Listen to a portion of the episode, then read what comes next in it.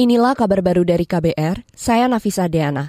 Menteri Dalam Negeri Tito Karnavian meminta berbagai pihak mewaspadai potensi kemarau panjang akibat pemanasan suhu permukaan laut atau El Nino. Mendagri meminta agar lintas kementerian dan lembaga memastikan kecukupan air irigasi pertanian guna menunjang rantai produksi pangan. Kita selama dari tahun 2016, 17, 18, 19, 20, 21, 2022, 2023 ini hampir sebagian besar kita mengalami fenomena lanina sehingga banyak hujan, banyak air cukup, bahkan banjir bencana hidrometeorologi. Nah ini yang perlu kita waspadai kemungkinan adanya El Nino. El Nino kekurangan uap air, kurang hujan dan akan berakibat kemarau sehingga perlu ada langkah-langkah untuk memenuhi kecukupan air dalam rangka produksi pangan. Itu tadi Menteri Dalam Negeri Tito Karnavian.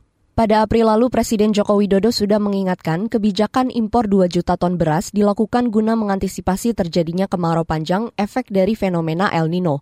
Impor beras juga dilakukan untuk menjaga cadangan beras pemerintah sebagai wujud ketahanan pangan. Kita ke informasi selanjutnya.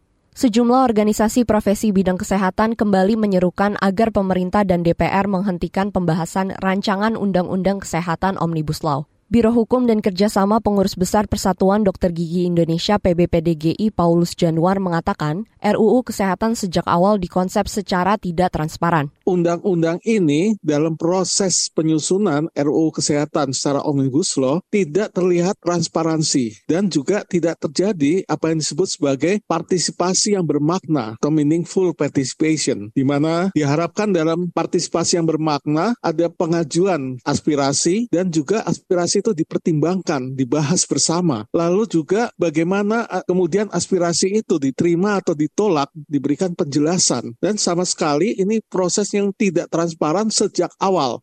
Itu tadi pengurus di Persatuan Dokter Gigi Indonesia Paulus Januar. Sementara itu, Ketua Umum Pengurus Besar Ikatan Dokter Indonesia atau PBID, Muhammad Adib Humaidi menyatakan pembahasan RUU Kesehatan harus dihentikan karena pembahasannya tidak menampung masukan, bahkan tidak pula melibatkan organisasi profesi kesehatan. Menurut Adib, draft RUU Kesehatan juga lemah dalam mengatur layanan kesehatan masyarakat dan kurang memberi perlindungan hukum bagi para tenaga kesehatan.